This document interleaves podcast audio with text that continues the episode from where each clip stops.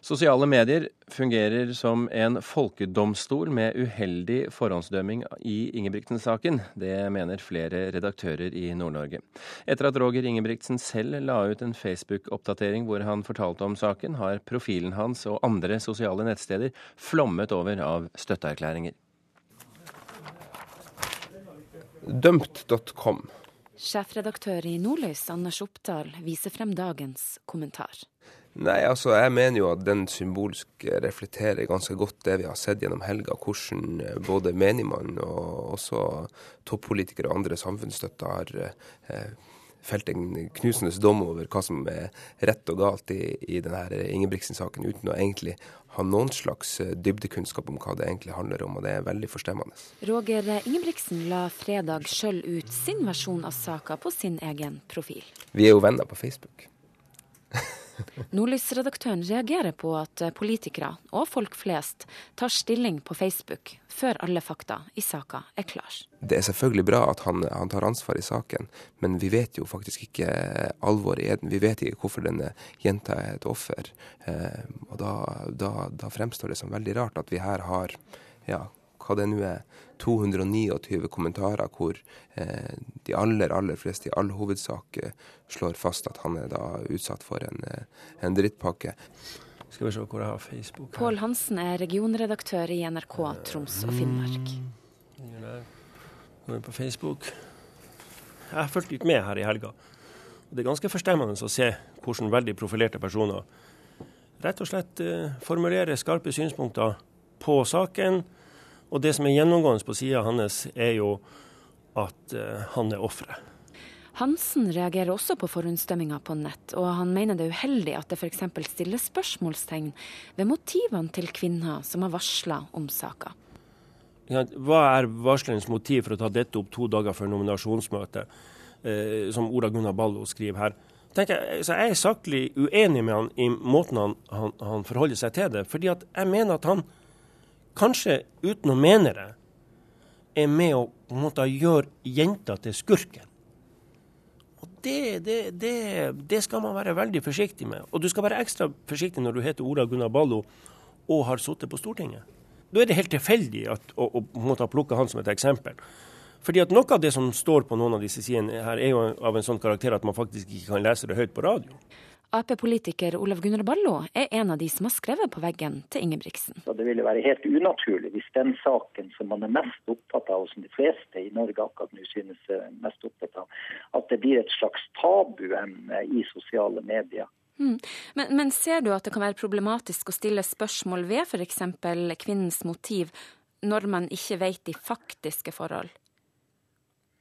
Eh, altså, Sånn er det jo i enhver sak som diskuteres i offentligheten eller på sosiale medier, at ingen vil noensinne kjenne alle forhold. Men hvis man tar det som utgangspunkt for diskusjonen av ulike samfunnsspørsmål, så betyr det jo at enhver diskusjon totalt lammes, fordi at det kun vil være de impliserte som kjenner alle de faktiske forholdene. Jeg syns folk burde gå i seg sjøl og sjekke opp sitt eget, for de bryr seg så mye om andre sitt, og da de er i fred. Også folk flest har kommentert heftig på sosiale medier. På gata i Tromsø så mener flere at man bør være forsiktig når man ikke kjenner alle fakta. Ja, jeg mener det at det er et organ som vi er nødt til å nedgradere. På et vis så syns jeg ikke det er helt greit, egentlig. Liksom Facebook det er liksom et nettsted der du skal kunne dele jeg tenker dele koselige ting med. Men selvfølgelig det er jo en plass man kan diskutere ting på også. Tror du at eh, Facebook har blitt en slags folkedomstol? Ja, det tror jeg. Det er en, eh, en eh, gapestokk. Nå skal vi se, nå tar vi det sakte oppover. Skal se. Hva folk tenker, hva folk sier rundt kaffekoppen, det er én ting. Men når du går ut her, så går du ut på torvet. Reportere i Tromsø, det var Karoline Rugeldal og Isabel Jensen. Eirik Bergesen, skribent og medierådgiver. Hvordan syns du denne saken blir diskutert på sosiale medier? Eh, det er jo spesielt på mange måter at eh, dette er en av de første eh, sakene, i hvert fall i Norge, som da fikk sin opprinnelse på, på sosiale medier. Dvs. Si den ble offentliggjort på Facebook. Tidligere har jo partiene selv da, tatt ansvar og gjerne arrangert en pressekonferanse, sendt ut en pressemelding. Men nå er det da Roger Ingebrigtsen selv da, som er sentral i saken, som, som går ut. Og Det vi også ser, er jo at, at hele den 22. juli, da, infrastrukturen da, som, som ble overført til Vågå-saken, eh, og gjorde den eh, veldig direkte og nær for mange, eh, har nå eh, blitt overført til denne saken. Eh, og det er litt besynderlig at ikke man har lært da, i offentligheten at man kanskje skal vente med å ta stilling før iallfall de primære opplysningene har kommet frem i saken. Hva er jentas forståelse av dette? Men betyr dette også at Arbeiderpartiet har mistet uh, sin styring av saken? Jeg, jeg kjenner ikke til uh, i hvilken grad partiledelsen har vært involvert før uh, Ingebrigtsen var ute. Det vil si, altså, I den loggen som nå foreligger, som nå er lagt fram fra Arbeiderpartiet, så har han vært i kontakt med dem, men i hvilken grad de har med å styre hans budskap, er, er, vanskelig å si. Men det er ingen tvil om at det er han selv som har tatt styringen i, i saken overfor mediene. Og konsekvensene av det kan man jo også eh, kommentere. Eh, fordi det som eh, man jo ser er at Ved å legge det på Facebook, så inviterer han jo da eh, både partikolleger og, og, bekjente på Facebook til, til, å kommentere. Han kunne jo stengt, stengt oppdateringene sine for kommentarer, men da resultatet er da at nære partikolleger, Karita Beck mellom, er blant de, da kommer med støtteerklæringer veldig raskt. Hun sier at man trenger flere Eh, slike politikere i Arbeiderpartiet. Akkurat den formuleringen er jo litt mangetydig eh, i disse dager hvor vi har hatt eh, denne Vågå-saken, eh, og, og, uheldig eh, for partiet. Sigurd Allern, eh, professor i journalistikk ved Universitetet i Oslo. Du har forsket på politiske skandaler og bl.a. skrevet bok om det. Hvordan syns du Arbeiderpartiet har håndtert denne saken? Ja, altså Arbeiderpartiet har vel forsøkt å uh, drive en form for uh, krisehåndtering gjennom å gå relativt uh, aktivt ut med en gang, legge ut denne loggen og alt mulig sånt. Men problemet er jo at med en, en, sånn sak presentert i mediene og på Facebook som en slags form for sexskandale, så er det veldig vanskelig å ha, ha noen form for kontroll.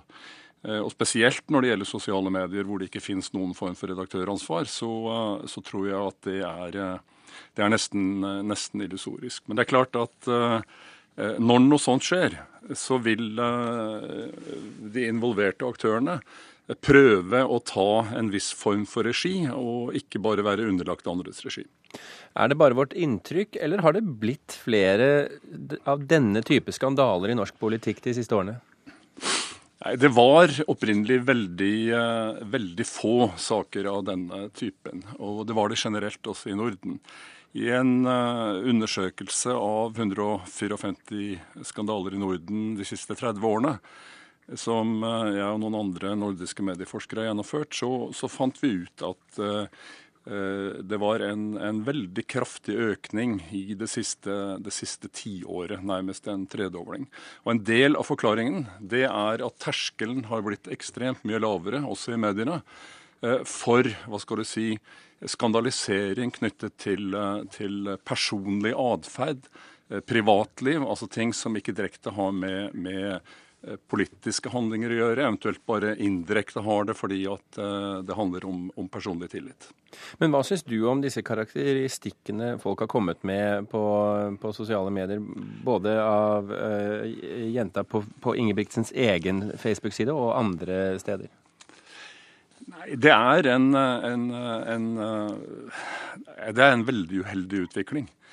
Fordi at personvern Eh, og, og, hensyn til privatlivets fred. Eh, I dette tilfellet både for, for jenta, for Ingebrigtsen og eventuelt andre involverte, blir, blir nokså illusorisk. Og eh, jeg tror at du bl.a. her med navnepublisering og forskjellig sånt i, i praksis ser at når dette blir gjort til en sånn offentlig skandaliseringsprosess, så har det for alle parter veldig uheldige utslag. Eirik Bergesen, hva syns du om at Roger Ingebrigtsen slapp denne saken på Facebook først? Eh, altså, som vi snakket om tidligere, så er det jo et behov for å ta eh, styring eh, i saken. Men man kan spørre seg eh, om altså den måten å prøve nærmest å håndtere saken eh, egentlig gikk den veien han ønsket. For dette med begrepet mediehåndtering er litt sånn eh, illusorisk. Eh, det er vanskelig å håndtere mediene i den forstand å kontrollere det, som, som Aalern også sier. Eh, og, og eh, han fikk jo veldig raskt da en debatt på sine sider. Han fikk Twitter-anmodninger om å slette og moderere innlegg på sin side. Og plutselig blir han en redaktør. Og, og det spørs om han var forberedt på det. Eh, og om han egentlig nå i ettertid ønsket seg den debatten eh, eh, som, kom. Og Det er vel liten tvil om at Arbeiderpartiet ikke ønsker seg at sine egne skal da stå fram veldig tidlig i denne saken her og mene og ta side i, i, i en sak som dette. De har hatt mer enn nok med Vågå-saken, og det å drive politikk for en Arbeiderparti-representant i våre dager blir stadig vanskeligere. Men nå vet vi jo ikke helt rollen til Arbeiderpartiet sentralt her, for dette foregår jo i eh, Troms. Men hva tror du, hvor aktive har de vært?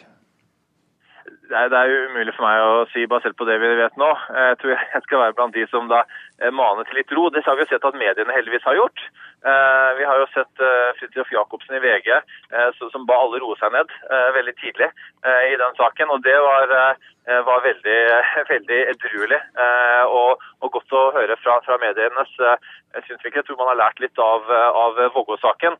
Jeg tror, som i alle sånne saker, at sannheten iallfall eh, begge siders versjon av sannheten eh, vil komme frem. Og så er det grunn til å også eh, avvente ikke minst både å spekulere i motivene og å komme frem og spekulere i hva som faktisk har skjedd. Så kan man selvfølgelig diskutere formen det har kommet ut på.